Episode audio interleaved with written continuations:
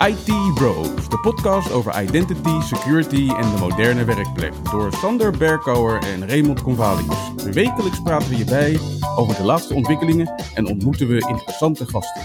Volg onze podcast op Spotify of iTunes en stel je vragen op Twitter, ITBrosNL. Ik ben Raymond Convalius. En ik ben Sander Berkouwer.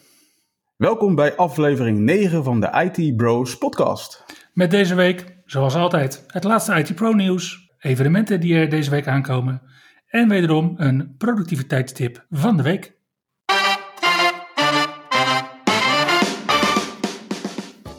Afgelopen week is er weer een nieuwe versie van de Windows Insider Preview uitgekomen. Beeld nummer 21343 bevat een aantal vernieuwingen die niet ongemerkt voorbij zullen gaan. Om te beginnen kreeg een heleboel icons in het OS een make-over. Je herkent het bijna niet terug. Meest in het oog springen voor mij de nieuwe icons voor known folders, zoals documents en pictures. En een andere icon waar ik persoonlijk echt aan moest wennen is die van Notepad. Toch wel gek hoe je aan dit soort dingen gewend raakt. Ja, Notepad, ik gebruik het ook echt nog gewoon meerdere keren per dag. Een van de belangrijkere applicaties in Windows lijkt het wel. Ja, ja staat ook echt uh, zo'n wijziging van zo'n icoon is echt gelijk in your face. You're damn right.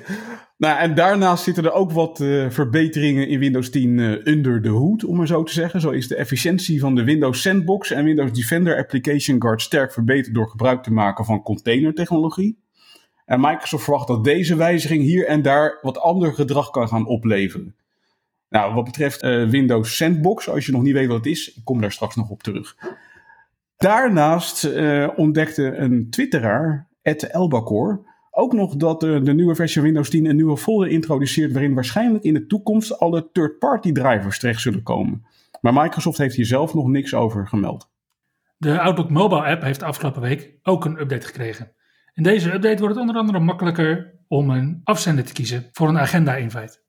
Ook houdt Outlook Mobile nu rekening met je context wanneer je contacten kiest om naar te mailen. En het is vanaf versie 4.2113.0 mogelijk om de tag die aangeeft dat een mailtje van buiten je organisatie komt. Want je wilt wel echt al nou ja, tijden hebben in Outlook uh, on the web en in Outlook de client. Krijgen we ook in uh, Outlook Mobile. Nice. Ja, er is ook nog een andere verbetering aangekondigd in Outlook Mobile. En dat is er eentje waar ik toch al best wel lang op zat, zat te wachten. Namelijk als je meerdere accounts hebt in Outlook Mobile, dan gaat de app vanaf de tweede helft van dit jaar per account het bedrijfslogo laten zien van die mailbox. Op dit moment zie je alleen de eerste letter van je mailboxnaam. Ja, en dat is, ja, dat is gewoon niet handig, want ja, ik gebruik in al mijn organisaties dezelfde naam. Ik verwacht eigenlijk ook wel dat iedereen dat doet, maar ja, ja om nou gelijk je naam te wijzigen voor als je bij een tweede organisatie aan de slag bent, is ook weer zo wat. Iedere organisatie een eigen alias. ja, ik vind een, vind een wachtwoord per organisatie vind ik al, vind ik al heel goed als je dat doet. Maar een eigen alias gaat wel ver hoor. Precies. Voor Office apps, ook wel bekend als Office 365 Pro Plus, heeft Microsoft afgelopen week de draft van de security baseline van versie 21.03 gereleased. En die baseline die bevat allemaal nieuwe instellingen, waaronder verbeterde macrobeveiliging, wanneer je niet ondertekende add-ins stilletjes uh, zou willen gebruiken, die worden gewoon geweigerd. En deze en al die andere nieuwe instellingen, die kunnen natuurlijk gewoon een impact hebben op uh, hoe je werkt en hoe die applicaties werken. En de draft die is er puur om te kijken van wat gebeurt er in je organisatie. Als je daar dus feedback op hebt, zou Microsoft dat graag willen weten. Een soort van, van beta. Wat mij trouwens opviel in het artikel waarin ze deze draft aankondigen, is dat ze het hebben over Office 365 Pro Plus. Dat is toch een naam die ze al een tijd geleden hebben afge afgeschaft? Ja, is volgens mij toch al wel weer uh, een jaar geleden. En als ik denk dat het een jaar is, dan zal het anderhalf jaar zijn. Volgens ja. mij houden de techneuten ook niet echt van de marketingterminologie van Microsoft. Nee, maar het zijn ook natuurlijk het zijn twee verschillende afdelingen. Wij praten vooral inderdaad met, met de toffe mensen, met de engineers. En het zijn inderdaad de mensen met de paarse broeken, de marketing uh, mensen, die inderdaad dat soort naamswijzigingen uh, bedenken. En ja, helaas ook. En dat maakt onze discussies natuurlijk ook wat, wat jammer soms. Uh, de paarse broeken gaan ook over de licenties. PowerPoint voor de web heeft nu ook een immersive reader. Deze moet mensen met een visuele beperking helpen om makkelijker met teksten in PowerPoint om te kunnen gaan. De immersive reader werkt zowel voor teksten in de slides als in de notes van PowerPoint. Voorlopig is deze functionaliteit alleen beschikbaar in de online webapp. Maar we weten hoe dat gaat. Wachten op de volgende versie van Office Apps. Ja, ja en het is natuurlijk Office on the web. Dus ja, Microsoft kan, zoals Tony en Daniel aangeven, gewoon s'nachts de spelregels wijzigen. Precies. Yep, nou we hebben het al over het uh, altijd hippe Windows gehad, waar we inderdaad gewoon de Windows Insider previews kunnen gebruiken. We hebben het gehad over de altijd hippe versies van Office. Maar er is natuurlijk ook nog de altijd hippe Active Directory, namelijk de Azure Active Directory. En daar is best wel wat nieuws de afgelopen maand.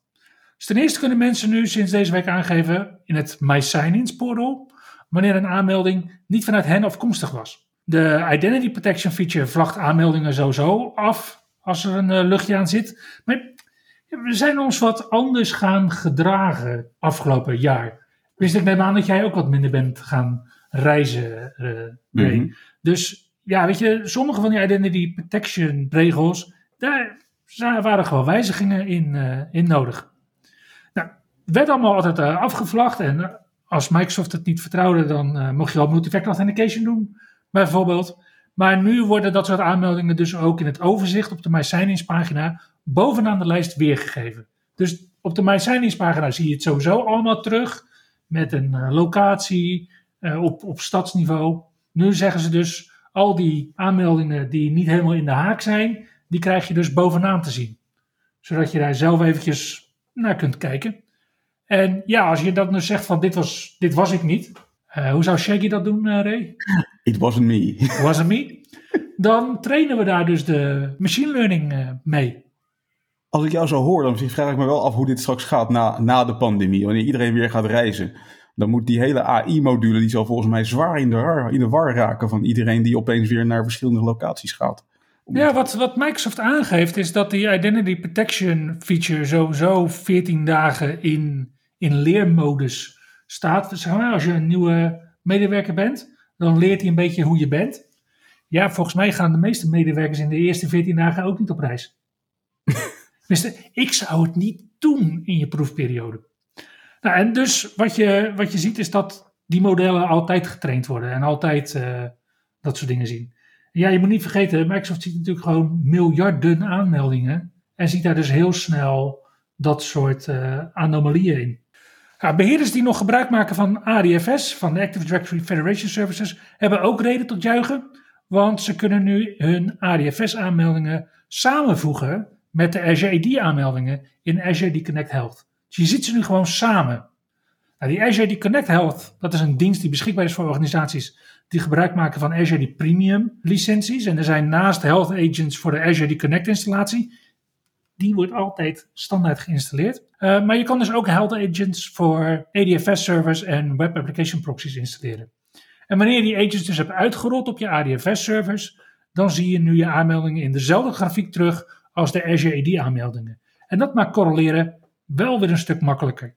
Nog steeds niet leuker, maar wel makkelijk.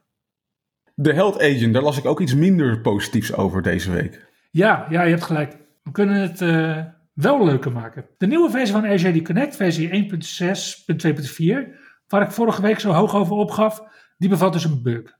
En die bug die zorgt ervoor dat de Health Agent niet netjes registreert.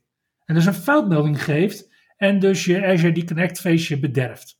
Het team zag ook dat er wat mis was en heeft inmiddels versie 1.6.4.0 uitgebracht. Ook deze versie dient overigens handmatig gedownload en geïnstalleerd te worden.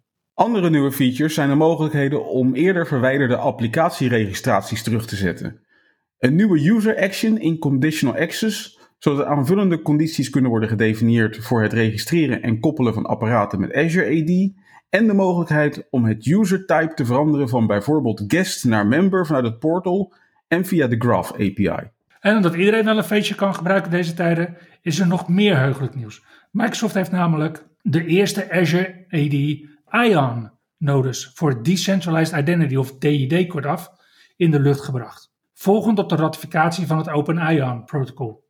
die DID's dat zijn dus de nieuwe identiteiten voor op het web, waar wij als personen zelf kunnen aangeven wanneer we onze gegevens en hoeveel van onze gegevens we willen afgeven voor nou ja, je werkgever, je gemeente en bijvoorbeeld, saillant detail, de EDW.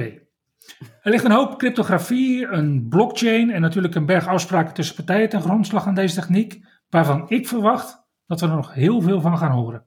Ja, ik zag op uh, Ignite zag ik daar een mooie demo van. En eerlijk gezegd, ik zie een enorme toekomst voor deze technologie in de uitwisseling van gegevens, van medische gegevens met name, voor bijvoorbeeld het elektronisch patiëntendossier. Zodat je kan aangeven welke informatie je aan wie gaat afgeven voor bijvoorbeeld uh, je medische behandeling. En dat is toch wel een vraagstuk waar ze in Nederland al heel lang mee worstelen. Yep. Deze week was het de week van de MVP Summit. Voor dit evenement geldt een strikte non-disclosure agreement, een NDA. Dus we gaan er niks over vertellen. Ja, en ik weet niet of het er iets mee te maken heeft, maar komende week staat er niet echt veel op het programma wat betreft evenementen. Nou, de Dutch DevOps en GitHub Community organiseert op 7 april een gratis avond met Rob Bos en Esther Bartel en Freek Besson. En Rob presenteert over informatiebeveiliging bij het gebruik van GitHub Actions. En Esther en Freek presenteren samen over Project Bicep. Oké, dus we hebben één evenement volgende week en dat is van D-Dog. Ja. Nou, en dan hebben we op dinsdag 13 april van 1 uur s middags tot 10 uur s avonds hebben we Azure Live. Met twee tracks en diverse sprekers uit binnen- en buitenland. Waaronder Dennis Mulder, de CTO van Microsoft Nederland. Ja, ik zag ook uh, Martijn Brand nog op de speakerlist staan. En die ken ik nog van heel lang geleden uit mijn tijd bij Bing.nu. Grappig. Ja, ik sprak uh, Steven Bing nog niet eens zo heel erg lang geleden. En niet eens bij een Tesla Supercharger.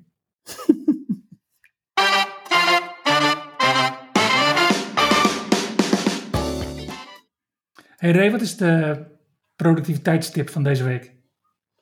Nou, ik zei het net al. Deze week ga ik het hebben over de Windows Sandbox. Dat is een feature die is uh, ja, sterk verbeterd in de laatste Windows Insider preview build. En wat het is, het is eigenlijk is het een virtuele machine die je niet als virtuele machine hoeft te installeren in Hyper-V. Dus het enige wat je hoeft te doen, is de feature aanzetten in Windows, Windows 10. En daarna heb je de Windows Sandbox in je startmenu. Waar kennen we dat ook weer van? Nou, vroeger in Windows 7 hadden we toch ook zo'n feature? Virtual PC? Die deed dan uh, die deed Windows XP uh, doen emuleren inderdaad. Op basis van Virtual PC uh, technologie, ja. Ja, maar nu is het dus gewoon Windows 10 en dezelfde versie als je huidige Windows 10 installatie als virtual machine. En het is een volledige Windows 10 installatie met gewoon bijvoorbeeld daarin PowerShell geïnstalleerd en Edge. En binnen die sandbox kan je gewoon applicaties gaan installeren, uittesten, et cetera. Totdat je die sandbox afsluit, dan is alles gewist wat je erin hebt gedaan. De sandbox heeft een eigen internetconnectie. En je kan knippen en plakken en bestanden naar je host VM toe brengen om bijvoorbeeld mee te experimenteren. Persoonlijk ben ik niet zo blij met het feit dat je binnen je sandbox altijd administrator bent. En dat ook nog eens een keer zonder user account control. Maar het is natuurlijk wel handig dat je eigenlijk een soort van testomgeving hebt waarin Windows niets onthoudt. Dus als je per ongeluk een keertje malware installeert in je sandbox, hoef je hem alleen maar te stoppen en opnieuw op te starten en je hebt weer een schone Windows installatie. En Windows is weer vergeten dat je local admin was. Dat ook. Mooi, dat was hem weer voor deze week. Dank jullie wel voor het luisteren en tot volgende week. Je luisterde naar IT Bros, de wekelijkse podcast over identity, security en de moderne werkplek. Abonneer je op Spotify, iTunes of Google Podcast als je de volgende aflevering niet wilt missen. Heb je hints of tips? Laat dan van je horen op Twitter. @itbrosnl.